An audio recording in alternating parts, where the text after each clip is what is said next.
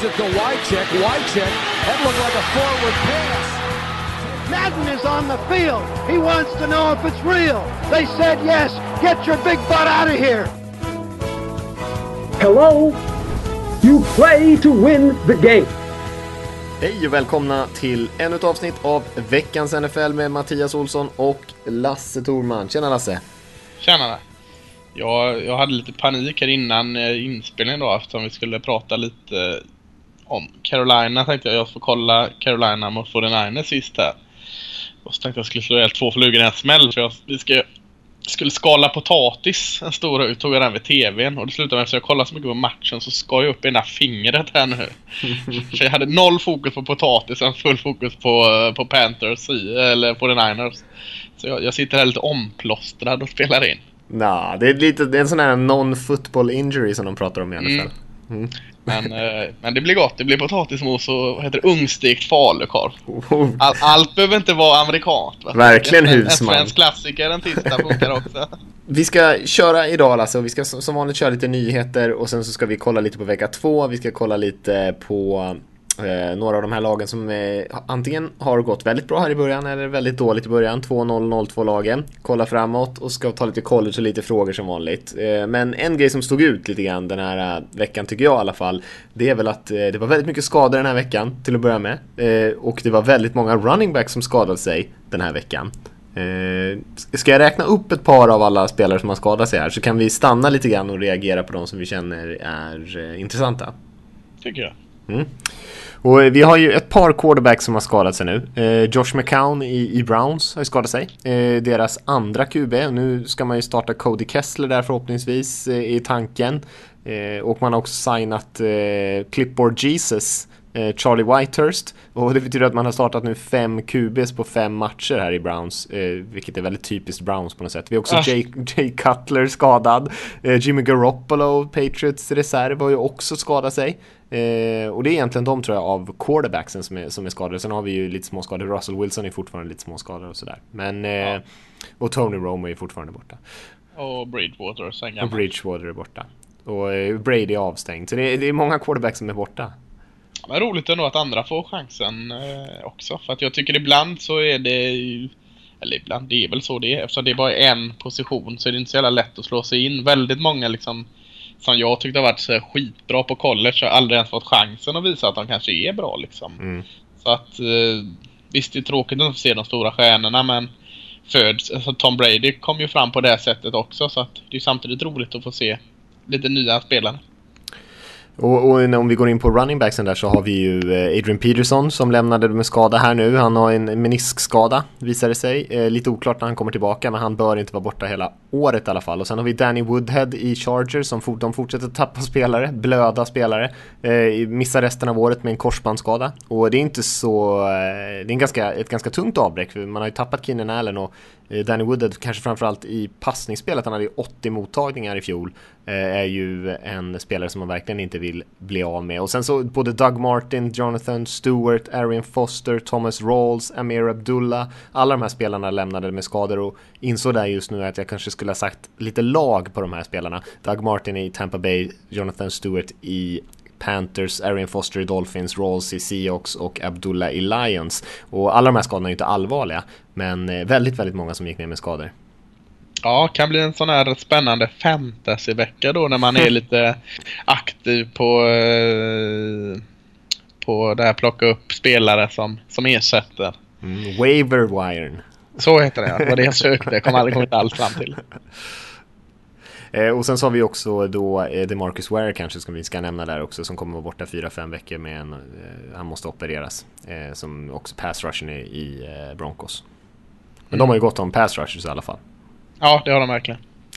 Eh, den andra egentligen nyheten, förutom alla de här skadorna, eh, som, eh, som vi inte kommer komma in på sen, det är ju att Buffalo Bills gick ut och, och sparkade sin offensiva koordinator Greg Roman här efter bara två veckor. Vilket känns som ett väldigt, väldigt kort, kort koppel för honom. Kort tid att försöka räta upp där som kanske inte funkade här i början. Han fick egentligen inte chansen att göra det utan de ja, gjorde sig av med honom direkt. Ja, eh, konstigt tycker jag. Alltså, fan, två veckor. Hur Mm. länge har han varit där? Han har inte varit där så länge heller. Han var ju där förra säsongen var också. Ja. Säga. Mm. ja. Ja, jag vet inte. Eh, man är 0-2 men, men, eh, samtidigt fan, det kan ju inte vara bra i längden. Men det var, det var som du sa där, spelarna har ju sagt sitt. Och, och, nej, jag vet inte riktigt vad jag ska säga. Jag tycker bara två veckor i känns jävligt olustigt att kicka en tränare. Ja visst, och de går in i en, eh, vi ska gå in på de här lagen som ligger 2-0, 0-2 och vad de har framför sig här. Men Bills har ju rätt tuffa motståndare framför sig också. Och som du var inne på där, de hade ju ett möte, ägarna och spelarna, där de pratade lite med spelarna om vad de tycker om riktningen för laget. Så här. Och så då var man ju, det är väldigt noterbart tycker jag, där fick inte Rex Ryan sitta med på det mötet, huvudtränaren, som framförallt är en defensiv coach. Man borde ju fortfarande absolut vara med på ett sånt möte. Det är ju ett eh, ett riktigt ohälsobesked tycker jag. Att, han, eh, att huvudtränaren inte ens är med på, eh, i diskussionen om man ska sparka den defensiva coachen eller inte. Och det finns säkert många anledningar till det. Men, offensiva ja, coach. Offensiva coachen, just det. Ja. Men det, det. Men det säger ju väldigt mycket om hur kanske Rex Ryan inte heller är helt säkert att han är framtiden där i Buffalo. Nej, Buffalo är just nu ett skepp som sjunker. Det började redan tidigt på eh, off-season med alla skador och mm. ja, det är inte mycket som går rätt där nu. Eh, får hoppas på ett par sådana riktigt tunga snömatcher som de kan skrämma motståndarna med att vinna. Ja, kanske det. Om vi går in då i eh, vecka två alltså, utan att och, och stanna för länge på det kanske. Men vi, vi, kan ju gå tillbaka och titta på några av de matcherna som kändes lite mer intressanta. Jag såg Saints Giants matchen eh, tidigt där. Och mm. eh, intressant match. Många, för, förra säsongen när de här lagen möttes så blev det ju 13 pass-touchdowns tror jag mellan dem. Eh, och det var ju många som trodde att det skulle bli poängkalas. Det blev inte riktigt så. Det kändes som att båda de här lagen försökte hitta någon typ av balans. Min känsla när jag satt och tittade på dem var lite ett det laget som liksom först slutar försöka springa bollen och bara kasta den kommer, kommer dra ifrån och vinna den här matchen. För att det kändes som att här kan de passa bollen rätt bra mot motståndarna men man försöker tvinga sig in i någon typ av balans.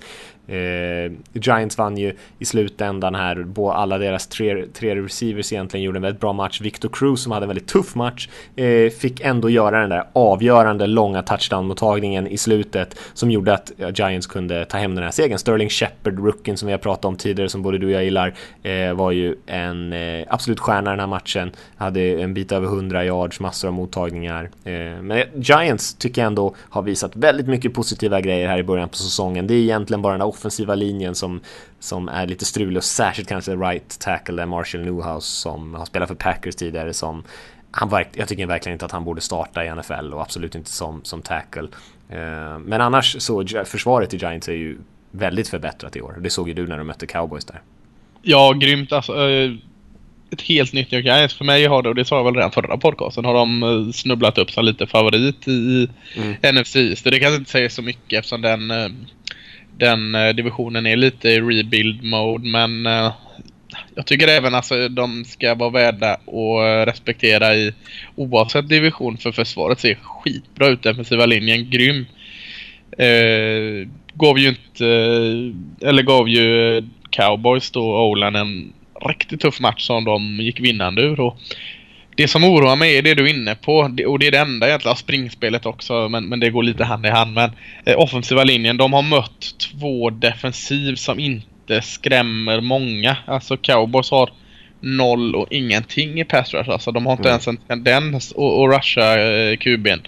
Så att de så att eh, den offensiva linjen kom undan där säger inte så mycket. Eh, samma lite ändå med, med New Orleans Saints. Inget jättetungt försvar Förutom Cameron Jordan där så ser det ganska blekt ut där med.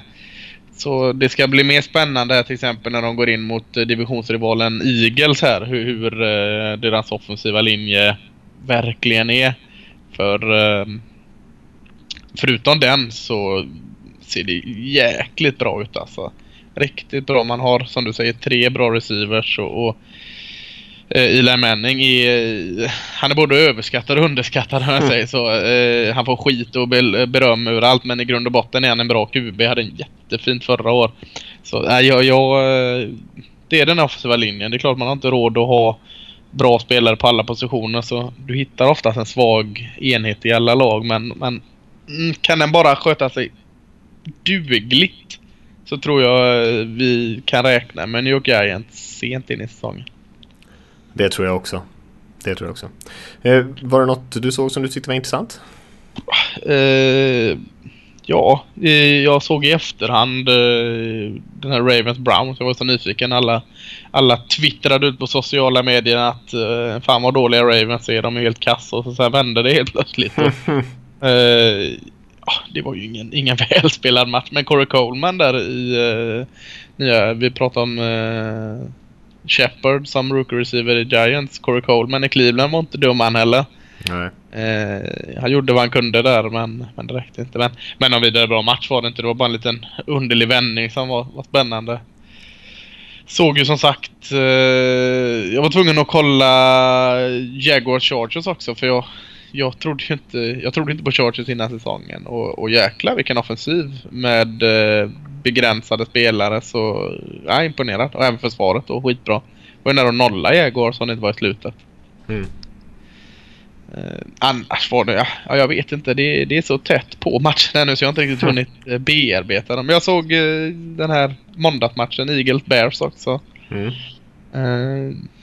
ja, jag tycker, alltså Eagles vann ju enkelt men jag tycker inte de gör någon, alltså, någon vidare match. Eh, jag tycker Bears slarvar bort det här. Eh, inte att de slarvar bort segern för det hade de nog inte tagit ändå men de gjorde det väldigt enkelt för, för Eagles. Jag, jag är inte riktigt helt såld på deras offensiv än.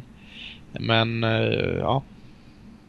Mm. jag, har, jag har egentligen inte några skarpare analyser att dra det. Jag, jag, Eagles är visserligen 2-0 men jag känner mig betydligt mer trygg med, med New York Giants 2-0 eller uh, uh, Patriots 2-0 eller Texans 2-0 än vad jag gör med Philadelphia Eagles 2-0 men det ska vi gå in på lite senare. nu är du tjuvstarta in i nästa ja. segment men, men har du någon match där som du tog med dig något riktigt kul från?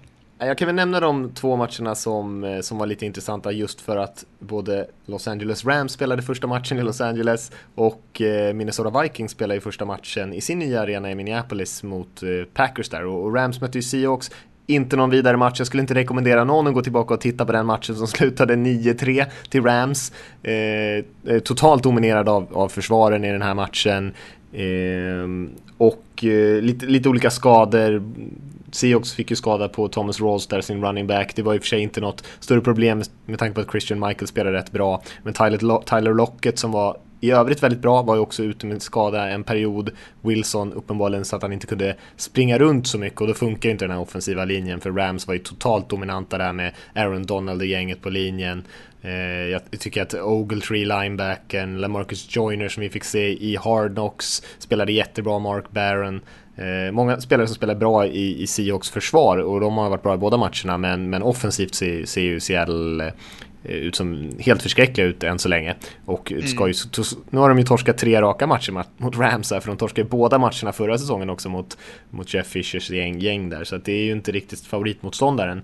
Men eh, man har mycket att jobba på och jag tycker man har fallit ganska långt ifrån den här toppen av, av, av de verkligen de här topplagen som man räknar som kanske de starkaste utmanarna än så länge med, med tanke på hur man har spelat de här två första veckorna. Och sen har vi ju Packers Vikings där som kanske lite samma sak där, ett Vikings som, som har blivit av med sin eh, quarterback och man eh, kanske inte riktigt säker på hur de skulle hantera det. Eh, imponera stort tycker jag, särskilt med försvaret. Spelade ju riktigt bra, borde ha vunnit den här matchen större än vad man gjorde. Sam Bradford var jättebra här i sin första match. Stefan Diggs, receiven där, hade ju 180 ja, yards. Han leder ju NFL med bred marginal än så länge i receiving yards, för han hade ju över 100 yards även första veckan. Eh, Packers däremot, Nja, ser ut lite som förra året. Otajmat, slarvigt Packers-anfall. Eh, lutar egentligen bara sig på Rogers improvisationsförmåga i den här matchen. Eh, han hade ju tre fumbles, Rogers, och en interception. Eh, funkar inte riktigt med Jordi Nelson och gänget. Eh, man har fortfarande mycket att jobba på, jag är inte så orolig för Packers passoffensiv. Men eh, inte direkt någon förbättring från det förra årets Packers än så länge offensivt. Utan det är fortfarande lika eh, slarvigt, svårt att skydda Rogers, ganska dålig eh, timing i, generellt i, den där, i det där anfallsspelet. Trey Waynes fick ju i alla fall kliva fram i slutet, cornern för Vikings och, och göra en interception efter Packers hade kastat mot honom säkert 15 gånger i den här matchen och verkligen gått efter honom. Mm. Jag såg faktiskt båda första halvlekarna på de här matcherna du nämner, Seahawks mm. Rams.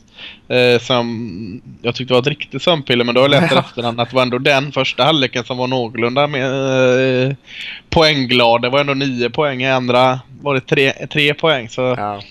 Eh, nej, herregud. Utan Russell Wilson mobil så, så är de eh, i problem alltså. För att Mm. visst, han kan trolla med en så dålig offensiv linje men kan inte han röra sig fullt så blir det nog som det var mot Rams där. Det var, det var läskigt att se stundtals alltså hur, hur lätt han kom igenom. Nu har de visserligen en dominerande linje som du säger men, men så lätt ska det inte gå. Nej. Jag såg även lite innan vi går vidare, såg, eh, var lite taggad på eh, Arizona mot Tampa Bay. Eh, jäklar vad de var revanschsugna Cardinals. Mm.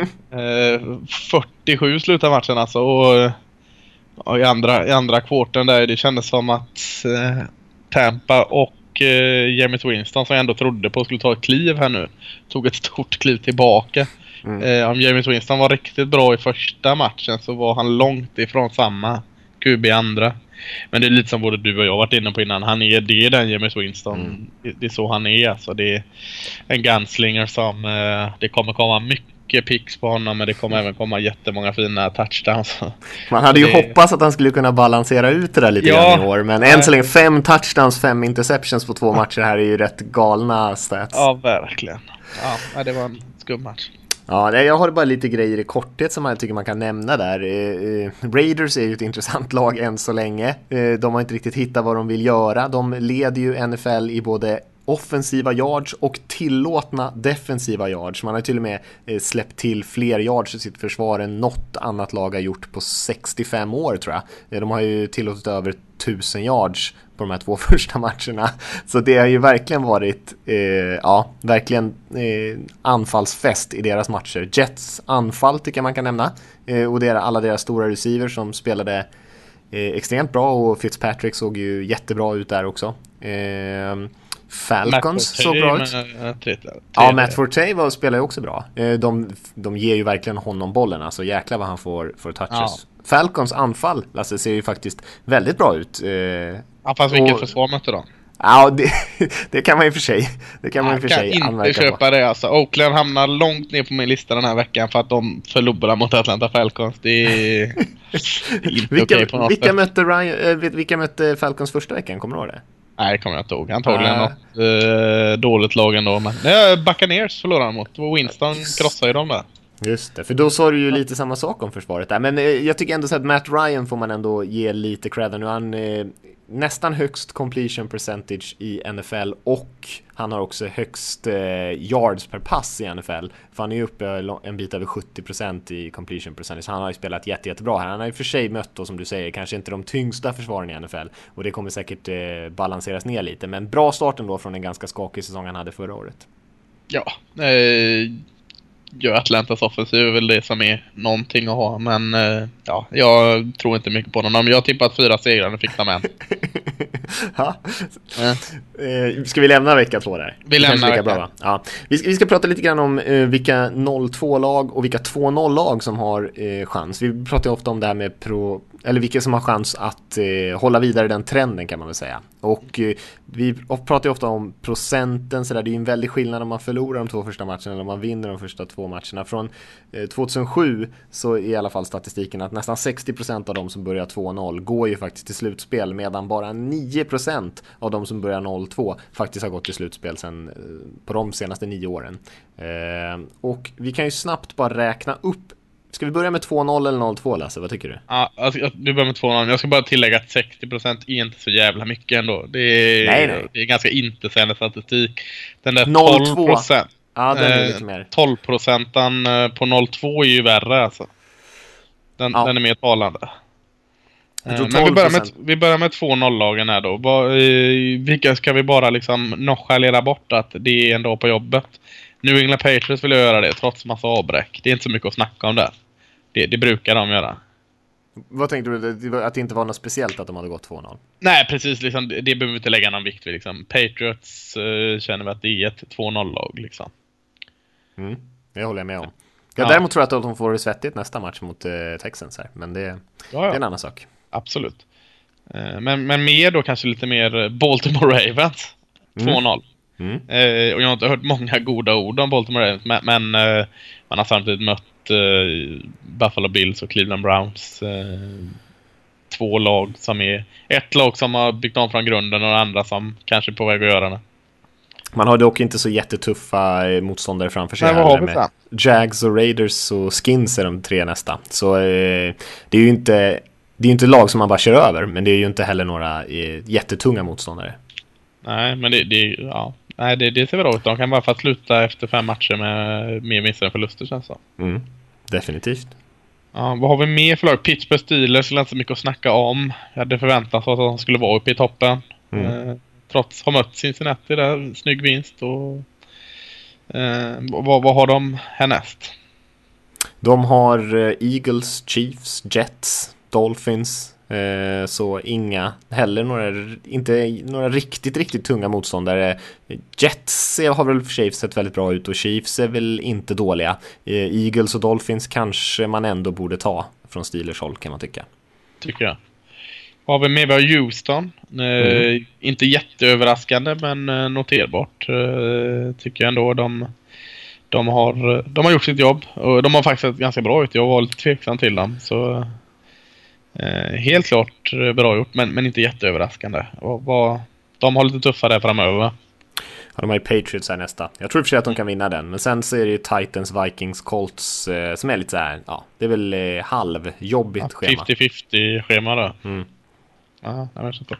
Så har vi Denver Broncos. eh, Också ett sånt lag som ändå har tappat en del men, men eh, känns inte som någon jätteöverraskning. Eh, snyggt att de slog Carolina första där. Mm. Eh, har väl en tuff match här nu nästa va? Jag möter ju Bengals här nu nä- nästa vecka. Ja men den får vi se som tuff sen då. Mm. Men Broncos har ju sett jättebra ut verkligen. Ja. Eh, av de absoluta topplagen tycker jag än så länge.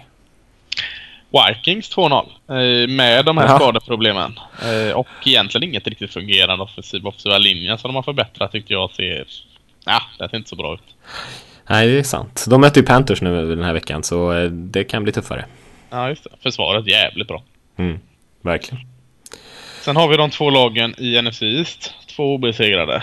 Mm. Eagles som vi var inne på lite. eh, Tycker väl inte de är ett 2-0-lag. eh, Bears och Browns som har vunnit mot. eh, Kanske två tacksamma lag att möta. Har kanske levt lite på andra lags misstag tycker jag. Tror inte de kommer ta Steelers här. Det känns tufft. Och, eh, jag tror de kommer börja dala ut. Vara mer än Pittsburgh på, på agendan. Lions, Redskins, Vikings har de så småningom. Eh, men jag håller med dig där. Jag tror att det blir tufft i första matchen direkt där. Giants har vi sparat som sista lag här. Eh, ja, som vi var inne på det. Fantastiskt bra försvar. Eh, allt finns nästan där i offensiven också förutom O-line. Eh, ska bli riktigt jäkla kul att se, se hur bra de är New York Giants är. Ja, och de har ju vunnit rätt tajta matcher ändå. Ja. Eh, så för dem har det ju, har det, de tycker jag fått en, en riktig smakstart här. Nu har de sett bättre ut än vad jag hade trott. Men eh, ja, det, det, jag vet inte om det var så många som hade räknat med att de skulle gå ur den här starten här mot Cowboys och Saints med 2-0. Så att man Nej. har ju verkligen satt sig i positioner. Absolut. Vad har de? Eh, Skins har de den här veckan. Sen är det Vikings, Packers, Ravens. Så ganska tufft ändå. Uff. Ja, ja, den, den är inte helt enkel. Ja, den första matchen blev viktig här mot Redskins. Men jag säger då. Vi, vi har åtta 2-0-lag här. Mm. Eh, jag vill att du tar bort tre av de här lagen. Ska, inte i slutspel. Eh, Inte i slutspel. Ja. Eh, ja, jag tror inte Ravens går till slutspel. Eh, jag tror inte att Eagles går till slutspel. Oj, sen tror jag nog fan att resten går till slutspel. Men Mm, jag må, måste jag ta bort en till eller? Nej, det behöver du inte. Du kan ha dem. Ja. Eh, ja, men det, det, det köper jag.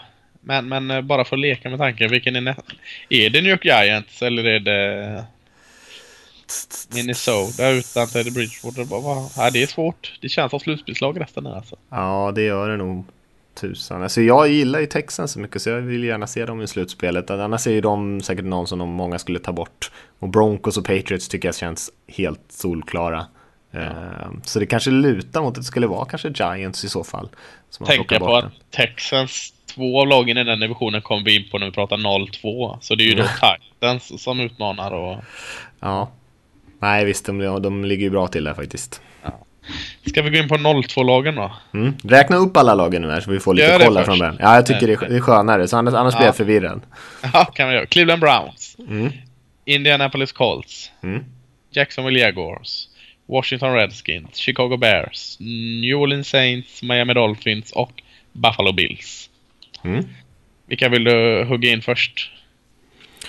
Lite förvånande så skulle Ja. jag väl nog ändå säga att nu sitter jag på vilka de har mött samtidigt här. Ehm, jag skulle nog säga att jag är lite förvånad att Ja, är det verkligen? Nu var jag tvungen att tänka efter. Att Saints kanske inte har vunnit någon match kan jag tycka är lite förvånande när de ändå har mött Raiders och Giants. Jag, jag tycker att man kunde ha vunnit en av de matcherna. Jag är inte så jätteförvånad, men jag är inte så förvånad att något av de här lagen egentligen ligger 0-2. Eh, Nej. Alltså när man tittar på de här som du, som du har räknat upp här nu, de här 2-0 och 0-2 lagen, så är det ju nästan lite tråkigt förutsägbart tycker jag. Alltså det man blir inte jättechockad av att något av de här två lagen som ligger 2-0 ligger 2-0 och man blir inte chockad att något av de här 0-2-lagen ligger 0-2. Det brukar vara eh, lite, lite mer liksom överraskningar känns det som. För att det här var ju inte helt oväntat. Alltså, skulle man välja åtta lag som skulle ligga 0-2 så är det inte omöjligt att man har valt de här åtta lagen innan säsongen. Eh, ja, jag köper, köper det lite, men alltså samtidigt, och det är det som säger, jag Jacksonville Jaguars har varit väldigt hypade, men, men jag tror jag var inne på den tidigare podcasten, alltså deras öppningsschema är riktigt jäkla tufft. Eh, att de ligger 0-2 är ingen jätteöverraskning. Eh, vad har de mött? De har mött Green Bay Packers och de mötte senast... eh, Chargers, det var ju i och för sig Ja, var- förvånande hur dåligt skulle de de spelar. tagit Men... Kanske. Mm. Eh, Colts känns ju så, men det är ju för att man är så... Alltså, lutar sig tillbaka mot gamla Colts med Peyton Manning. Eh, hör väl egentligen inte hemma där på något sätt, men, men samtidigt gör de det också, 0-2. Eh, Miami hade lite goda tendenser, men, eh, ja, det är inte helt överraskande att de ligger där heller. Nej, de har ju mött Seahawks och Patriots också som nog många Ja. hade tänkt att de skulle förlora de matcherna. Det blir ju enklare för dem här framöver. Precis. Eh, ja, jag, vet inte. 12% pratar vi här då om. Om vi får plocka upp ett av de här lagen då som tar sig till slutspel. Kämpar sig in och tar sig till slutspel. Vilka kan det vara? Hmm. Det är ju inget, jag, jag får inget sug för något lag Nej, här. nej, verkligen inte. 12%, Nej, jag skulle, jag, Så jag ska säga 0% är rimligt slutspelslag av de här åtta. ja, det, det, jag har svårt att se det, men jag skulle säga Colts i så fall, just för att Mm. det, det är en lite enklare division. Man har ändå Andrew Luck där man kan göra lite poäng. Men det är ju det där, ja, övertron kanske på Andrew Luck och vad han kan åstadkomma på egen hand i den där väldigt svaga truppen. Men eh, det är klart, eh, det känns nog mest rimligt för att divisionen inte är så stark. De andra har ju det tufft alltså. Det, man tittar ju på Bills som du nämnde har Patriots, Bears har Vikings och Packers, Browns har Steelers och Bengals, Jaguars, ja de har ju Colts och Texans då, då, då föredrar jag nog Colts ändå. Eh, och sen är det ju igen Washington Dolphins. var ju i slutspel förra året här men, men, samtidigt så när lag börjar prestera NFC East Mm. så kan man kanske inte glida vidare på att man är minst eh, dåliga. Nej. Nej, ja, jag kan hålla med. Washington kanske skulle vara en sleeper där också då, men jag vill ju inte tro det. Men eh, av de här åtta så är det ju svårt att hitta något annat tycker jag. Nej. Nej, det är tråkigt. Har vi något lag, vilket lag har du sett eh, 1972 års Miami Dolphins gick eh, obesegrade? Om du får ta fram, ja jag antar att du inte väljer, ja det går inte att välja något av 0-2-lagen. nej, nej. Men något av de här 8-2-0-lagen då? Vilka... Finns det något som har en rimlig chans att gå eh, rätt igenom obesegrade år? Det känns ju inte så, tycker jag. Det, det, men det är ju också efter två veckor. Det, Ja. är ju- Nej, jag skulle välja i så fall Patriots eller Broncos. Alltså det är om Patriots lyckas ta den här vinsten med Brissett här mot Texans. Sen har man Bills och sen när Brady kommer tillbaka tror jag man vinner resten av matcherna. Så jag tror att, man, jag tror att Patri- Patriots kommer gå 15-1 ändå. Eh, och Broncos ser jag som, eh, som nästa kandidat att klara det där. Men eh, eh, ja, vi får se hur det går mot, mellan Texans och Patriots där. Men eh, annars tror jag att de kan ha en chans att göra den typen av säsong. Mm, jag köper det. Slänger in Steelers som en dark horse. Deras försvar tycker jag har sett mycket bättre ut. Det är stor skillnad eh, bara på ett år. Verkligen. Känner vi att vi var klara med, med eh, 2-0-0-2? Jag tycker det. Jag Ska tycker vi det. köra en sån här varje vecka eller? Nollagen. Det är jävligt jobbigt. Det blir mindre och mindre lista. Ja, men det är ju bra. Det går ju snabbare och snabbare förhoppningsvis. eh, ja, det, men det tycker jag vi kan följa upp och se Ja. vilka som håller sig obesegrade alternativt jagar den där första vinsten. Det, Mm. till, till slut när de ligger 0-10 kanske vi inte behöver prata om dem för nionde gången eller vad det nu blir. Det är kanske, kanske lite taskigt att sparka på någon som ligger ner. Men eh, Ja. ett tag kan vi hålla på. Ja. Eh, vi hoppar in på eh, matcherna som kommer nu då. Eh, vi har ju varit inne på en hel del av dem och, och en av dem som vi pratade precis på slutet om är just Texans som åker till Eh, Foxborough möter Patriots där. Eh, och eh, de som, som sagt kommer starta Jacoby Brissett där, sin eh, rookie. Mm. Var inte riktigt såld på han i college. Spelade uh, North Carolina State. Så jag, jag är ingen Jacoby Brissett-fan. Jag tror det kommer att eh, litas en hel del på springspelet, vilket är konstigt när det England Patriots, men eh, ja, måste man nästan göra. Man får köra här med, med Blunt och White och kanske enk, förenkla ner eh, passboken lite. Och, och, det är ju tacksamt faktiskt ska sägas att gå in i New England Patriots. De har ju sina slot receivers och eh, inte, jag tar inte ifrån någonting från Garoppolo eller Tom Brady men, men det är en ganska tacksam situation att gå in och lägga de här 8 yards passningarna till Amendola, Edelman och, och allt vad de heter. Eh, oavsett om Gronkowski är med eller inte. Mm. Nej, jag håller med dig, men jag tror, jag, tror att det, jag tror att det kommer bli ganska struligt här för Brissett. Eh, inte heller något stort fan av honom i college faktiskt. Och Texans försvar tycker jag har spelat riktigt, riktigt bra än så länge. De är ju stekheta egentligen. Eh, Osweiler har ju varit lite upp och ner sådär, men har ändå sett ganska bra ut. Will Fuller har ju varit absolut stjärna än så länge. Ehm, så det är väl eh, väldigt bra timing här för, för Texans att de får den här matchen just nu. Eh, för mot Garoppolo hade det nog blivit eh, svårare.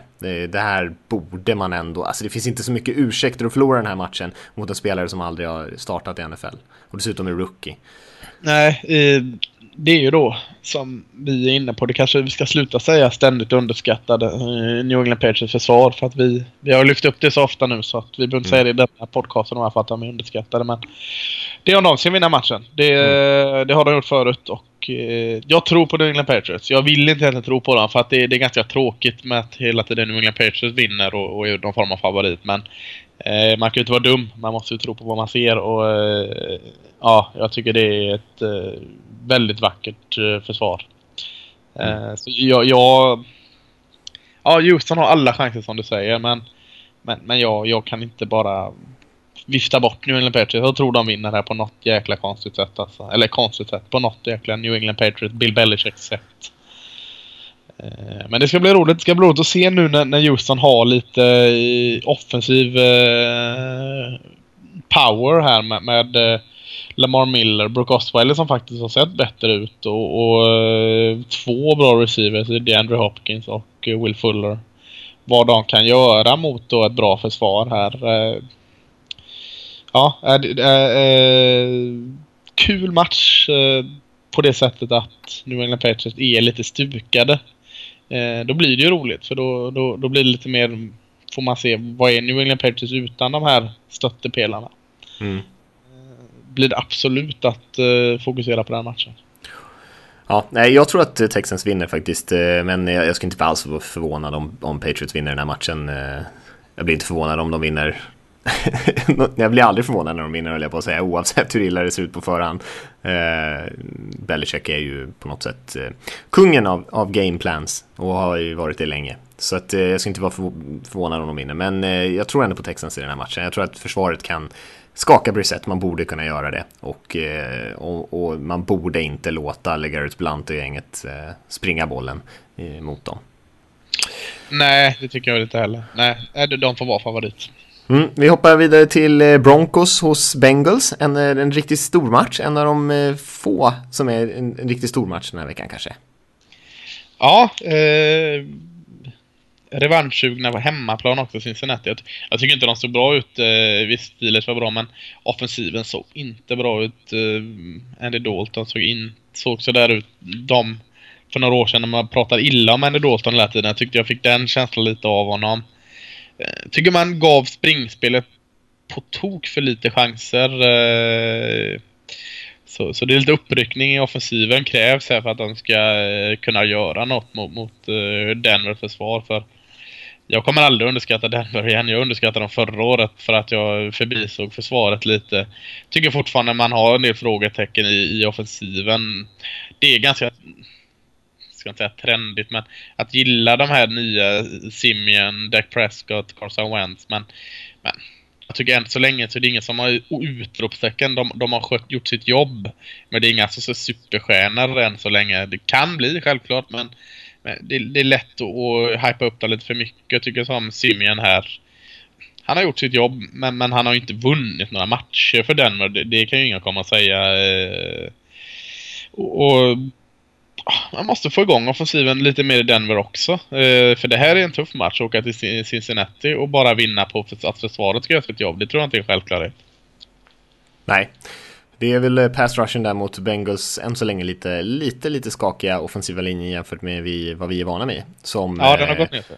Som Denver kan eh, verkligen ta den här matchen på. Eh, och sen så är det ju eh, CJ Anderson och springspelet som, eh, som Denver lutar sig mot. Och eh, mm. Jag tror att det ska bli spännande. Jag tror, jag tror att Denver vinner. Jag håller dem som favoriter här. Eh, tycker de har sett så väldigt stabila ut. De, deras försvar är så bra att de, de har någonting som är liksom en stadig punkt. Bengals har vi ofta pratat om en av de starkaste trupperna i NFL. Bred, många bra spelare, eh, få svagheter. Ehm, men här möter man ett annat väldigt bra lag och, då håller jag ändå Denver som favorit även fast Bengals har hemmaplan. Mm, jag tycker det ska bli spännande att kolla lite extra på springspelet i de båda lagen.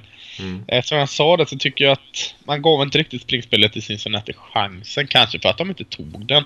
Giovanni Bernard var jättebra i passspelet, det vet vi att han är. Men, men varken han eller eh, Hill där såg eh, vidare vassa ut i när det kom till att springa med bollen. Eh, kanske då som du säger att offensiva linjen har steppat ner lite. Får inte de där gratisluckorna men, men där måste de hitta någonting som funkar. Eh, lite så åt andra hållet med Denver Broncos. Jag tycker det var inte Booker. Han började sin, sin NFL-karriär med en fumble men, men Sist tyckte jag han såg eh, bra ut. Eh, men samtidigt, vågar man, vågar man ge han mer snaps eh, från C. Anderson? C. Anderson gör ju sina touchdown och men, men ja, jag känner att Devonte Booker kommer nog ta startplatsen när den här säsongen är över. För jag tycker han ser så betydligt bättre ut i vecka två från vecka ett. Eh, och bortsett från hans fumble vecka ett så var han inte på något sätt dålig. Så eh, ja, jag ska, ska bli lite roligt att se hur de väljer att rotera in eh, Devonte Booker. Vi vet ju att, att Denver vill få igång ett fungerande springspel och luta sig mot. Det är lite den filosofin coachen har haft eh, tidigare i sin karriär, att man lutar sig mot ett springspel. Så, så det ska bli lite roligt att se tycker jag.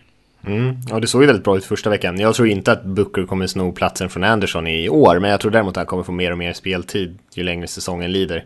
Men de försöker väl som sagt kom, få, någon, få in honom lite långsamt sådär. Jag vet inte om det var nerver eller vad det var, att han, att han famlade där första carryn han fick. Det, och det har man ju inte råd med såklart. Så man vill ju spela ju en ganska konservativ typ av fotboll i, i Broncos. Vi, ja. en, en, annan intressant match Lasse, det är väl eh, Steelers hos Eagles egentligen. Ja, Pennsylvania-derbyt mm. där. Två lag som är 2-0 också. Ja. Eh, hett i, i, eh, Pennsylvania, helt klart. Eh, ja, eh, på pappret ett starkt offensiv mot ett på pappret starkt defensiv är det väl. Med Pittsburghs starka offensiv och Philadelphias starka defensiv. Eh, tycker kanske att båda lagen har haft en del medgång. Alltså att man har levt lite på eh, motståndarnas slarv. Eh, inte på något sätt frånta dem att de är 2-0 men, men eh, ja, man har haft en del flyt med sig. Eh, frågan är då vem som kommer ha minst flyt med sig här. Jag har ju varför trots att matchen spelas i Philadelphia i, i, tycker jag Pittsburgh är solklar favorit här. Eh, kommer bli en helt annan match för Carson Wentz här. Eh, och det, det, är lite det som är roligt också. Vad, vad är det nya mot det gamla här. Carson Wentz mot Ben Roethlisberger. Ben Roethlisberger såg lite rostig ut tycker jag ändå mot Cincinnati. Han, han gjorde sina bra grejer men han gjorde ändå två picks som, som eh, han kunde ha avstyrt i varje fall ena tycker jag. Eh, Medan Carson Wentz känns, kändes betydligt mer alltså, säkrare. Det är klart det är en spelplan man har i Philadelphia att man kan inte slänga in han helt och bara toka utan att man gör det lite lättare för honom i början här. Så två olika typer av eh, QBs kommer gå ut i matchen och det ska bli roligt att se hur, hur, den, hur den matchen tar sig. Mm. Som du säger där så är det kul att se Steelers eh, offensiva linje som har sett väldigt mycket bättre ut mot en väldigt bra defensiv linje. Eh, jag, jag håller också Steelers egentligen som stora favoriter. Jag har inte, förvända, för, inte förändrat min syn på Eagles sådär jättemycket från inför säsongen när jag ändå inte trodde att de skulle vara ett av slutspelslagen. Jag, jag tror nog inte fortfar fortfarande tror jag inte att de kommer vara det heller när vi sammanfattar allt där på slutet. Men Eh, man är bättre, bättre än vad man hade kunnat tro och det är ju kul att Wentz har fått chansen så här tidigt och ändå spelat väldigt bra. Eh, men eh, här tror jag att Steelers är en, minst en storlek för stora för, för Eagles. Men man ska ja. aldrig säga aldrig. Nej, jag håller med. Och jag, jag bara en sista grej när vi lämnar den här matchen så tycker jag att vi lyfter upp Eagles försvar väldigt mycket och, och med mycket rätt i det. Deras front seven tycker jag är väldigt fin men tycker ändå det ser lite skakigt ut bak i planen. Alltså både corner och safety-positionen. Man har ett par bra Malcolm Jenkins gillar jag till exempel. Men, men eh, corner ser jag inte riktigt såld på. I, I, bästa fall gör de ett dugligt jobb. Hur, hur blir det mot en bombande Ben Roethlisberger, Tony Brown och, och Sammy Coates och allt detta. Man har mött Bears och Browns, kanske inte två lag som har bombat ut, i alla fall inte Bears. Eh, kastade nästan inget långt vad jag såg. Så Eh, och när man gjorde det några gånger så tyckte jag man, man lyckades med det. Så det, det är också en match i matchen här. Uh, Eagles secondary mot, mot Ben Roethlisberger och hans anfallsval. Mm. Två andra 2-0-lag som möts eh, är ju... Nej vänta nu så tänkte jag fel där. Jag bara tog för givet att Panthers var 2-0. Det var, är de ju faktiskt inte. Utan det är Vikings hos Panthers tänker jag. Men, men, men Vikings är ju 2-0. Panthers däremot är ju inte det. Uh, ja. Uh Teddy Bridgewater och Adrian Peterson borta känns ju ganska galet alltså. Men, eh, men man är ändå 2-0 och jag skulle säga att det är nästan till all del krediterat försvaret än så länge. Eh, ja, de, de har ju alltså inte bara stoppat poäng utan skördat poäng till, mm. Eh, till laget. Alltså, så just nu är det de som, som kanske bär Minnesota Vikings. Eh, kommer bli tuffare nu. Visst, nu är Jonathan Stewart skadad för Carolina Panthers som är... Eh, och, och, det är ju lagets starkaste vapen. Kanske inte Jonathan Stewart, men just springspelet. Och hur gör man nu? Går Foster Whittaker in här och dominerar eller vad är planen? Ska Cam Newton springa mer eller ska han bomba ut mer bollar på sina långa receivers? Då kanske eh, Vikings kan planera bättre för det. Så eh, en ganska intressant matchup tycker jag den här matchen är absolut. Mm. Och eh, det är imponerande också att Vikings saknade ju Xavier Road senast mot Packer till exempel, sin bästa corner, men, men det spelade liksom inte sådär jättestor roll. Eh, Rodgers och, och company kunde inte göra så mycket ändå. Eh, jag tror att Panthers vinner den här matchen ganska bekvämt däremot, om jag ska vara riktigt ärlig. Bara för att jag tror så mycket på Panthers, men eh, eh, verkligen ett, ett kaxigt Minnesota och det är så synd egentligen att de har drabbats av alla de här skadorna. För det här är ju precis det laget vi har pratat om i flera år nu. Alla de här unga försvarsspelarna som har växt upp. Vi ser Anthony Barr se ut som ett Ja, som, som att hans hår brinner som amerikanerna säger där ute på planen. Och flyger runt verkligen. Och, eh, och alla de här spelarna som eh, vi har pratat så länge om är, har blivit precis så bra som, som många hade hoppats på. Så att det är lite synd att det har gått lite emot de här på den offensiva sidan av bollen, för annars kunde man verkligen ha varit ett lag att räkna med. Och det är möjligt att man fortfarande kommer vara det i år, men eh, just nu känns det som att det är lite mycket med Adrian Peterson borta eh, också. Så förhoppningsvis får han, kommer han tillbaka här eh, om inte allt för lång tid så att man kan vara, i alla fall ha någonting där som man kan luta sig säkert på. För Sam Bradford, oavsett hur bra han såg ut i den här första matchen, så tror jag väl kanske inte riktigt på Sam Bradford eh, och passoffensiven, att det ska bära laget offensivt. Då tror jag att det kommer bli lite misstag och så. Ja, jag vet inte. Du, du är inne på ganska roliga saker där. Alltså passoffensiven, Stefan Diggs har ju sett jättebra ut. Alltså, spelar så smart tycker jag. Han vet exakt vad han kan göra och när han kan göra det. Uh, grymt imponerad av honom var jag redan förra året i sig. Men, men det jag tänkte på här nu, alltså springspelet med Adrian Peterson har ju inte sett alls bra ut. Nej, verkligen uh, inte. Så nu får, nu vet jag inte, det kommer bli Jarek McKinnon som, som får mest eh, med, med backning av Matt Asiata där, eller Asiata, vad fan man säger. Mm. Eh, kanske kan vara något. De vill fan visa att de ska vara med och slåss om det här. Eh, kan det vara något som liksom eldar upp lite och, och få igång ett springspel? Eh, eh tycker jag ska bli roligt. Lika det du var inne på där med eh, Carolinas defensiva linje här ska bli... Eh, eller förlåt, eh, Minnesota Vikings defensiva linje mm. med, med eh, Anthony Barr, Kendricks och, och även gamla Chad Greenway. Det ska bli roligt att se just för jag tänker nu att när Jonathan Stewart är borta så kanske vi får se mer samarbete mellan eh, Cam Newton och, och tight enden där, Greg Olson. Eh, det ska bli spännande att se mot en så bra eh, linebacker-trio som ändå Vikings har och även, även de gångerna Cam Newton väljer att ta iväg och springa med bollen. Eh, ska bli riktigt skoj att se den fighten alltså. Ja, det kan nog bli en riktigt grisig match där. Ja. Panthers är ju ofta involverade i sådana. Har sett några Panthers Seahawks matcher, Panthers Broncos matchen också egentligen. Där, där det är verkligen fysiska lag som möter varandra. Och här är det ju också det. Den här offensiven i Carolina som egentligen bara som en stor mobbare ibland med alla deras ja, stora receivers och Cam Newton och den där liksom. Nu har de ju kanske inte Stewart tillgängligt i den här matchen som annars också eh, tillför ett ganska fysiskt element. Men eh, i så fall hade det ju verkligen blivit som två bulldozers som springer rätt in i varandra i den här matchen. Och det, det, det lär fortfarande bli väldigt fysiskt. Och, och den fighten kan bli intressant. Men frågan är hur spännande det blir på den andra sidan. Mm. Nej usch, det är Carolinas front seven och deras dealen mot ett skakigt eh, O-line i Vikings. Och en ny Sam Bradford. Det kan bli, kan bli en stygg match där. Mm, ja, visst. Eh, har du någon mer match som du vill ta upp Lasse, eller ska vi nöja oss där när vi tittar på, på veckan? Vi försöker hålla lite koll på så att vi tar upp eh, alla lag lite då och då här, så vi inte bara pratar om, om eh, Patriots och Broncos i gänget varje vecka. Nej, du, du fnös ju mot mig förra veckan att jag var eh, bias när det kom till NFC East. Så jag, jag höll ju mig borta från den. Och, eh, i, och eh, inför den här så fnös du åt mig för att jag skulle ta upp eh, Seahawks här. Det var lite chockande. Ditt, ändå ditt Seahawks.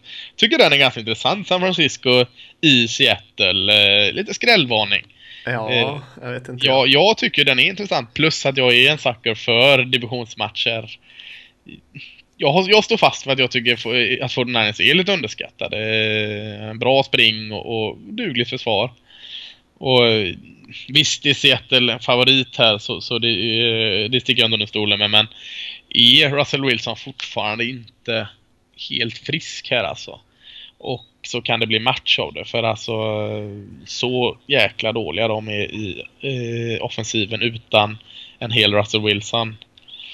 Kan det bli en spännande match om inte annat. Ja, alltså om 49ers vinner den här matchen i Seattle, då vet jag inte vad jag gör Lasse. Då vet jag inte Säg det vad blir... du gör nu, Då, nej, så. då vet, då vet jag inte om det blir mer poddar den här året. Elda upp en Seahawks-hatt ska jag göra då. Ja, gör det. Nej, det är ju inget bra supporterskap. Nej. När det och reagerar så i motgångar. Men eh, nej, då blir, nej det, det blir ingen trevlig söndag i så fall om de torskar mot 49ers. Som jag dessutom har tippat ska komma sist i NFL eh, i år. Eh, och de vinner mot Seahawks på eh, i Seattle. Det, nej, det skulle göra mig väldigt förvånad. Oavsett hur dåliga de har sett ut. Jag tycker ju annars en rolig grej är att se vilket lag som, som eh, gör mest grejer under nationalsången.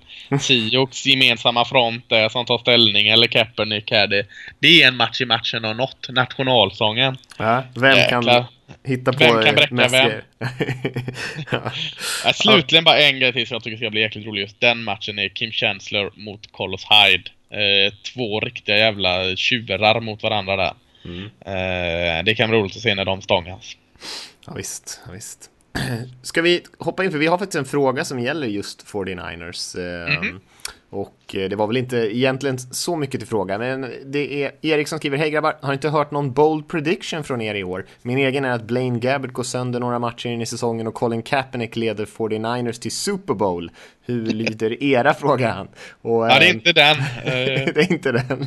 Jag vet inte om du har någon ny Lasse, men annars har vi ju skrivit lite grann på hemsidan hade vi ju några bold predictions där i den här artikeln där vi förutspådde säsongen. Ja, men nu är säsongen igång så nu är det det lyxiga att man kan ändra sig här. Mm. Ja, du, Eh. och du kanske har någon på lager? Det hade inte jag. Jag kanske kan komma på någon medan du pratar. Ja, jag säger, jag säger att New York Giants går 14-2. Oj! Ja. Ja. Jag, jag, jag är ombord på Giants-tåget. Eh, De går 14-2. Eh, två skräpförluster dessutom. Säg mot Washington och något annat sunket lag. Sen bara kör man över motståndare. Sen är man ett och ut i slutspelet. För annars är det ju alltid att Giants ska komma in i slutspel så här på sista fiolen och så går man och vinner allt. Nu kommer de in som favorit i slutspelet. Klarar de inte alls. Faller ut i det.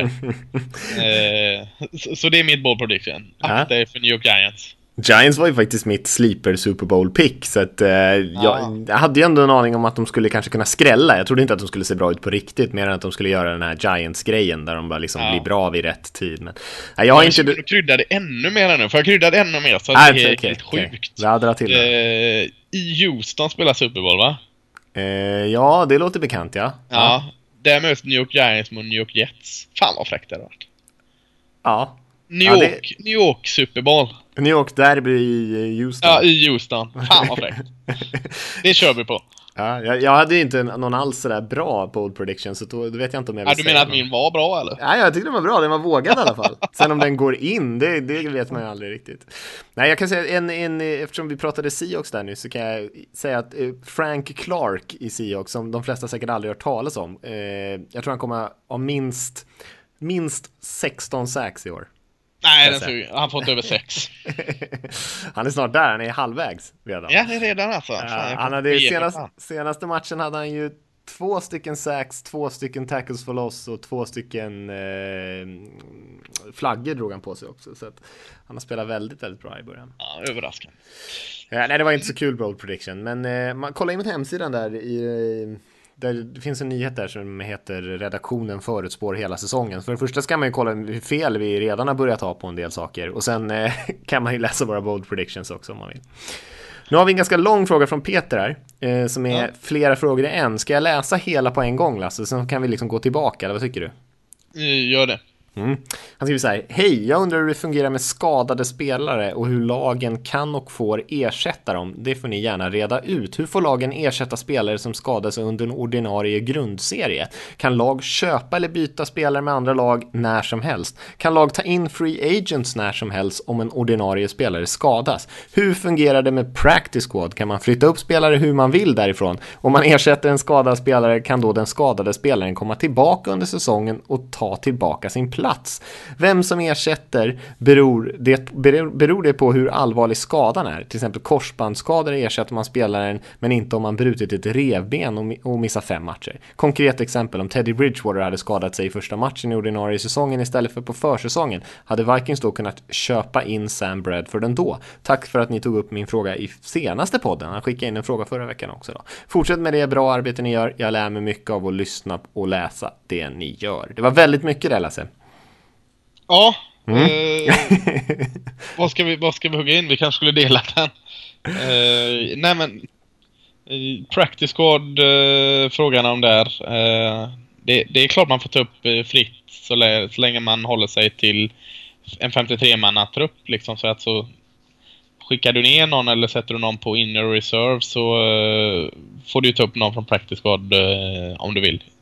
Så- Där svarar du. Ja, där, där svarar jag även på inner reserve där. ja Eh, precis. Man borta året ut. Sen kan man sätta upp på uh, PUP och då är man borta Ja, det, det gör man ju innan säsongen börjar. Det, och det då får man inte komma tillbaka förrän sex veckor in i säsongen. Och, det. och injury reserve som du nämner, det är ju liksom en, en, en lista på spelare där, där lagen får sätta hur många spelare egentligen som helst, så får man byta ut dem. Det, då räknas de inte som i truppen, men man får ju ta tillbaka en av de spelarna under Ja. säsongen. Och det där är ju faktiskt en regeländring till i år. För tidigare var man tvungen att säga, liksom, ja, Lasse Torman, eh, vi sätter honom på injury reserve list with designation to return. Så man var tvungen att säga det när man liksom satte dig på den listan. För att, och då fick man ta tillbaka dig sen så småningom. Men nu behöver man inte göra det, utan nu kan man ta tillbaka vem som helst. Så man kan liksom vänta och se vem som, ja, vems rehab som går bra. Och så tar man tillbaka den spelaren. Men bara en spelare får man ta tillbaka per säsong från den där eh, listan då. då. Just det. Eh, och eh, trada får man göra hur mycket man vill fram till första november när det är trade deadline. Eh, Det efter brukar alltid så- vara någonstans i början på november. I år är det första, ja, som du säger. Ja, precis. Mm. Eh, och Free Agency var vi inne på där också. Eh, kan du ju plocka från eh, när Frankenstein. Vill du ha Tim Tebow liksom så och han har gett upp med sin baseball så, så är det bara att plocka en liksom. Problemet är ju som, ja, du raljerar ju lite där Lasse, men problemet är ju att det finns oftast inte så jättemycket bra spelare på Free Agency när säsongen väl är igång. Nej, så är det ju Mm. tyvärr. Har- Var det några mer frågor som vi missade där, eller? Eh, nej, tror jag inte. Man, man ska väl säga det att man får ju såklart ha kvar skadade spelare på den aktiva truppen eller på, på sin 53-manna roster om man vill. Så att, eh, eh, och man får ju ha hur många spelare som helst av de olika positionerna, men anledningen till att många klubbar till exempel får sin quarterback skadad och tar in en ny quarterback är ju inte nödvändigtvis för att den spelaren ska starta, utan då, ja, man förbereder sig för det som hände Browns här, att även nummer två skadar sig. Mm. Så att det är många lag, det är lite olika filosofier. Hur många quarterbacks ska man ha varje säsong och så här på, i truppen? Det är, ju- och, eh, olika lag tänker lite olika där. Precis. Ska vi gå vidare? Det gör vi. Mm. Hej, jag vill börja med att tacka för det grymma arbetet ni gör med sidan och denna podden. Ni är grymma. Jag undrar lite hur supporter, eller rättare sagt publikkulturen ser ut där borta i NFL. Man hör ju sällan om några skandaler, Ta tänker på bråk och huliganer, firmor som slåss och förstör. Här i Europa så hör man ju ganska ofta om huliganer som slåss, slåss under matcher eller runt omkring arenor vid rundbollmatcher. Är det så städat som det ser ut eller är tv-producenterna väldigt duktiga på att dölja sådana saker? Hoppas ni förstår vad jag menar. Ni kan väl bara berätta lite hur stämningen brukar vara under en NFL-match. Tack igen för en underbart bra podd, skriver Robin.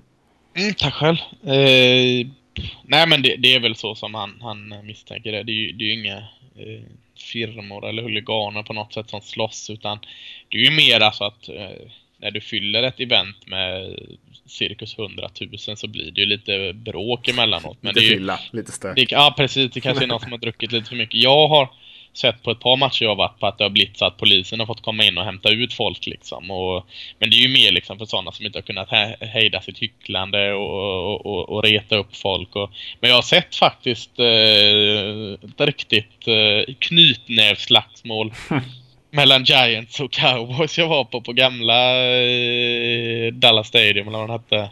Eh, men, men det var inga liksom det, det var ju inget sån här, det, det, gick nog över. Det var två som hade druckit lite för mycket. Men annars är det jättegod stämning eh, utanför arenorna med tailgating och det och att man, man, eh, man jävlas lite med varandra och säger nio kass och nio kass och så skrattar man och delar liksom en, en, en öl eller vad man gör. Och det är inga konstigheter att gå runt med motståndarsupporternas tröjor och, och allt sådant. Så det, det är ganska, alltså kärvänligt på ett uh, retsamt sätt. Uh, fest är det ju. Liksom. Det, ja. det är vad det är. Jag kan verkligen hålla med. Det, är en jättefin supporterkultur. Man, eh, jag tycker man hör ofta för folk som inte följer amerikansk fotboll sådär jättemycket, inte har varit på idrott i USA, att, att Eh, de inte har någon läktarkultur jämfört med oss här där det är mycket sånger och sånt på våra läktare när det är rundboll som man säger här. Men eh, det är ju annorlunda är det absolut, men det är ju fortfarande en väldigt trevlig fin eh, kultur och det är mycket det finns en del sånger och sånt där också, kanske inte lika mycket som vi har här med, Nej, med det, i våra... saknas ju en del alltså, av den här spontana läktaren. Det är ju inte så att när det kommer upp på Mm, mm, mm, mm, clap, clap, så står det på ja. jumbotron så sjunger han med liksom. Det är, det är ju ganska liksom styrt liksom en dockteater i publiken ändå så att den biten som är... Det, finns det är inte ganska, klackgrejen kanske, det kan nej, man säga. det finns ju fina bil, bitar i rundboll också som eh, i alla fall jag eh, verkligen vurmar om och tycker är helt fantastiskt eh, som inte finns.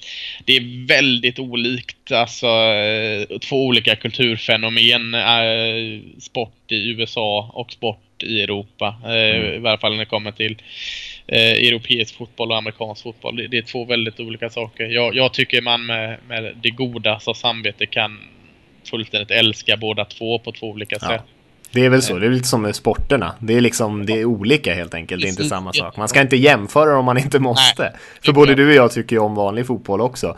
Eh, och följer den och, håller på. Så det, jag menar, det är ju inte, det är inte något konstigt så. Men, men eh, för att kny, knyta ihop det där med, med eh, huliganism och det är ganska trevligt att det inte förekommer så mycket sånt i amerikansk fotboll. Det, det är en sak som är ett stort plus. Det kan man väl eh, hålla med om. Det är ett ganska underligt fenomen som man är lite oklart vad det har uppstått ifrån. Men när vi var i Seattle då var det ju, eh, då var det ju faktiskt en full Green Bay supporter som var där när vi kollade på Packers Seahawks som verkligen stod och, och häcklade läktaren, eh, Seahawks-fansen då och liksom körde den här tröjan och liksom you suck-grejen och så här. Men folk buade ju mest åt honom och till slut kom det någon vakt och tog bort den personen. Liksom. Så det var inte så att någon gick ner och klappade till honom. Så jag, jag, kan bara instämma i det du sa där Lasse, utan det är ofta, det är ofta enstaka fyllon som, som eh, börjar bråka med varandra eller sprider dålig stämning och så här. Men det brukar inte vara några så att det är stora gäng som liksom hoppar på varandra. Nej, vi kanske lämnar den där. Eh, mm. Där kan man prata ganska länge om läktarkultur. Det är ju intressant. Skottlossning var det förresten i en uh, försäsongsmatch mellan 49ers och Oakland för sig fem år sedan. Ja. Det uh, var någon som blev skjuten där. Det är det närmaste man kommer. Ja, det har ju varit ett par faktiskt, ett par dödsfall sådär i, i samband med slagsmål. Men då är det ju liksom två puckon troligtvis som börjar slåss med varandra och, och, och det går för långt liksom. Eh, ja. Så inte, inte uppstyrt oftast har det, vad jag Nej. i alla fall har hört. Eh, vi tar en sista fråga här från Mattias som skriver Tjena grabbar, inställer mig i hyllningskören till er tidning, podd och framförallt den nya ansiktslyftna hemsidan. hemsidan med ansiktslyftet där. Något som slog mig när jag såg på Sunday Night Football var när kommentatorn Al Michaels, lägger han till inom, eh, eller inom eh, en parentes här, briljant kommentator, utbrister “Who knows anymore” angående en av alla flaggor för defensive pass interference. Känner ni som många andra att det har blivit så många parametrar vad gäller pass interference, vad som är en mottagning eller inte, att NFL skjuter sig själva i foten lite grann? Undrar Mattias. Eh, jättebra tycker jag, för att jag, jag är också med på det. Och då vill jag även stryka under bra sagt av Al Michaels. Mm. Eh, för att jag retar mig på kommentatorer som är så jäkla eh, säkra på att de säger rätt. Men det gör de inte. Och, och eh, vem är jag att säga att de inte gör det då? Jo, för att eh, titt som tätt så säger de här, är de lika jäkla säkra och så säger de mot varandra också. Det där med att titta på bollen och inte titta på bollen. Jag tycker jag hör olika från eh, så kallade experter hela tiden.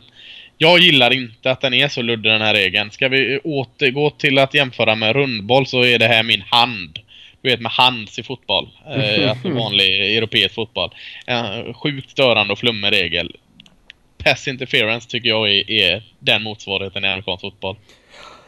Ja, det kan jag hålla med om. Eller filmning i den vanliga fotbollen liksom. Eh, får man överdriva eller inte liksom? Och, och, mm. eh, eh, och det blir ofta mycket diskussioner kring det. Nej, men jag, jag håller med eh, frågeställaren här och, och säkert många andra också att det är försämrar ju produkten såklart lite grann eh, när eh, fansen fokuserar på det här istället för eh, matcherna. Jag tycker som fan försöker jag fokusera så lite som möjligt på domarens påverkan på matchen för att det är liksom så tråkigt fokus att ha istället för på det som händer på planen. Men det blir ju lätt att det liksom blir fokus hamnar på det när någonting händer i slutet på en match. Och det här eh, är ju något som verkligen Eh, är en källa för frustration. Men någonstans undrar jag också om liksom NFLs PR-genier på något sätt har hittat på de här luddiga jäkla reglerna bara för att folk ska ha någonting att prata om hela dagarna. Eh, för det blir ju väldigt mycket diskussion men trist för oss som behöver sitta och, och liksom titta på det och aldrig riktigt fatta vad som gäller. Mm. Eh, nu kommer jag inte på vad jag skulle säga. Jo! Eh, är du som jag det där att när eh, det laget, du säger att Seahawks har gjort en jävligt fin touchdown. Scannar du innan du firar hemma, scannar du fortfarande av planen och eh, grafiken för att den där gula ska komma upp flag? Definitivt. Jag, ja, jag så här, nej vänta, vänta, vänta nu. Nej, nu har det gått fem sekunder, ingen flagg har kommit upp. Då kan jag känna att då är det gött. Så att, eh, det är ju också för att man inte ser hela planen och allt detta. De jävla holding och block in the back och allt sådant som, som man kanske inte ser alla gånger. Så att den här klassiska avscanningen av grafiken och planen ja. innan man knyter näven och säger eh, yes, den, den, eh, den har i alla fall jag varje gång.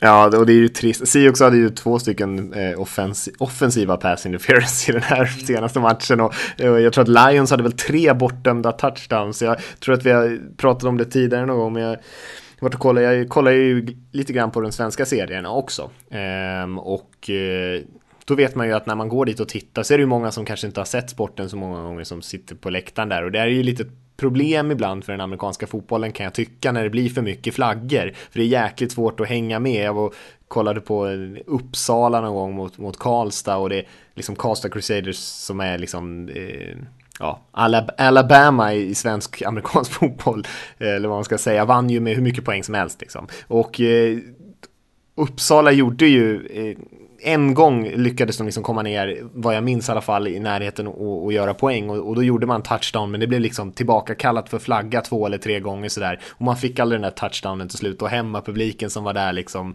och försökte stötta hemmalaget kanske inte hade så bra koll. Eh, så det blir en väldigt konstig upplevelse när man liksom börjar fira och sen så åh nej det blev ingenting. Så får man backa tillbaka hela tiden. Det har inte så mycket med catch-regeln att göra men hela den här att det händer någonting på plan som sen inte gäller är ju ett stort antiklimax. Mm, verkligen. Mm. Ja, det, nu har vi snackat nog om det kanske. Mm. Ja. Innan vi, vi rundar av då så har, kan vi bara eh, lyfta våran Pigskin Pick'em-liga tycker jag. Mm. Eh, jag tänkte skulle kolla lite roligt här vem som leder av dig och mig. Eh, Men så märkte jag att du var inte ens med på första sidan här Mattias. Fick du bläddra lite grann? Ja, jag kan inte bli, jag kan inte hitta det. Du ligger så långt ner så att jag vet inte. Jag ligger med och slåss där uppe i toppen va? Som, som vanligt. Och är det redan så att redan efter två veckor att du har missat att fylla i en vecka här för att du ligger kusligt långt ner? Man skulle nästan kunna tro det. Jag började jäkligt dåligt första veckan. Jag tror att jag hade vad kan jag haft åtta eller nio rätt bara. Och sen så ja. började jag förra veckan väldigt bra, hade sju av de åtta första, men sen så var det ju inte någon bra tio tid där för mig. Jag vet faktiskt inte exakt hur många rätt jag har. Hur många hade du? Jag har ju 22 rätt va? Jag har 11 varje vecka. Eh, ledarna har 25. Oj, så, jäklar. Eh, ja, ja, då har jag lite att ta igen där. Jag, får, jag återkommer exakt vad jag ligger på, men det är ett gäng mm. matcher efter dig måste jag vara då. 18 har jag! 18! Alltså 8 och 10 tror jag jag har kört. Ja, säg till. Du kan få, jag kan stå över en vecka om du känner att det är, blir mer match då. jag gillar det här trash-talket. Det här motiverar ja. mig Lasse. Det, det, är bra. Nästa vecka så ska vi ska återbesöka det här tycker jag. Det är kanske är något vi borde göra varje vecka. Kolla lite grann ja. på ställningarna. Vi har två som leder med 25. Det är Samuel Wik och Clippord Jesus. Eh, bra namn också. Ja, eh, cred till dem. Eh, de ska vi utmana här nu. Ja, verkligen. Verkligen. Och eh, vi kan väl nämna det. Vi, eh, vi har ju ett litet samarbete med GameDay.se Eh, så om man vill köpa några supporterprylar så där så kan man gå in på nflsupporter.se så kan man klicka via någon banner där så kommer man in till deras sajt så får vi någon liten procent på det. Men de brukar också ge oss lite gratisprylar sådär som vi kan lotta ut i olika tävlingar och det har de gjort nu också, lite kepsar och sånt där. Så om ni har, någon av er lyssnare har några bra tips på kanske någon typ av tävling vi kan köra här i podcasten eller någonting för er, för er lyssnare, eh, så tipsa oss gärna om något om ni kommer på någon idé på något man skulle kunna göra någon kul tävling för att lotta ut lite kepsar och såna här grejer. Sitter, eh. sitter vi på en keps från Game Day just nu eller? Ja då, det gör vi. Ja. Ska vi säga så här då, bara för att eh, lotta ut en keps här nu för att eh, det är kul. Den som vinner vecka tre om det, om det är ja. så att det är en. Det är ju sjukt osannolikt. Fan vad dåligt att jag var förberedd där. Men, men, eh, men... Vi kan eh, lotta ut den bland de som ligger ja, i topp. Ja, bland de som ligger i topp vecka tre. Alltså inte totalt, utan de som har mest rätt vecka tre. Ja. Eh, lottar vi ut en eh, schysst kepa från Game Day. Och tills, tills nästa vecka då när vi gör det så kan ju alla fundera där ute och se om de kommer på någonting smart. Så kan du och jag fundera lite Lasse, se om vi kommer på någon annan tävling som vi kan ha liksom gående här. Eh, så mm. gör vi den här grejen den här veckan så får vi se vad det blir framöver här också. Jajamensan. Ja, och med det sagt så vill man mejla in då antingen idéer om roliga tävlingar eller något annat kul förslag eller en fråga som många hade gjort här så är det podcast nflsupporter.se som man mejlar in till Ehm, och sen så kommer vi köra en podd nästa vecka Lasse. Jag blev lite osäker på när du skulle ehm, åka bort. Jag åker ju på onsdag tidig morgon. Så det är om vi mm. kör den. Nu kör vi denna på tisdag. Så ja, väldigt tidigt. Vi stänger inte fönstret. Nej. Eh, eh, om inte annat så får du där ta med några eminenta gäster och köra en. Det, mm. det ska väl inte vara omöjligt men... men eh, vi borde kunna vi hinna se. något måndag, tisdag där kanske. Vi får se. Ja, vi lämnar det hängande lite där. Mm, mm.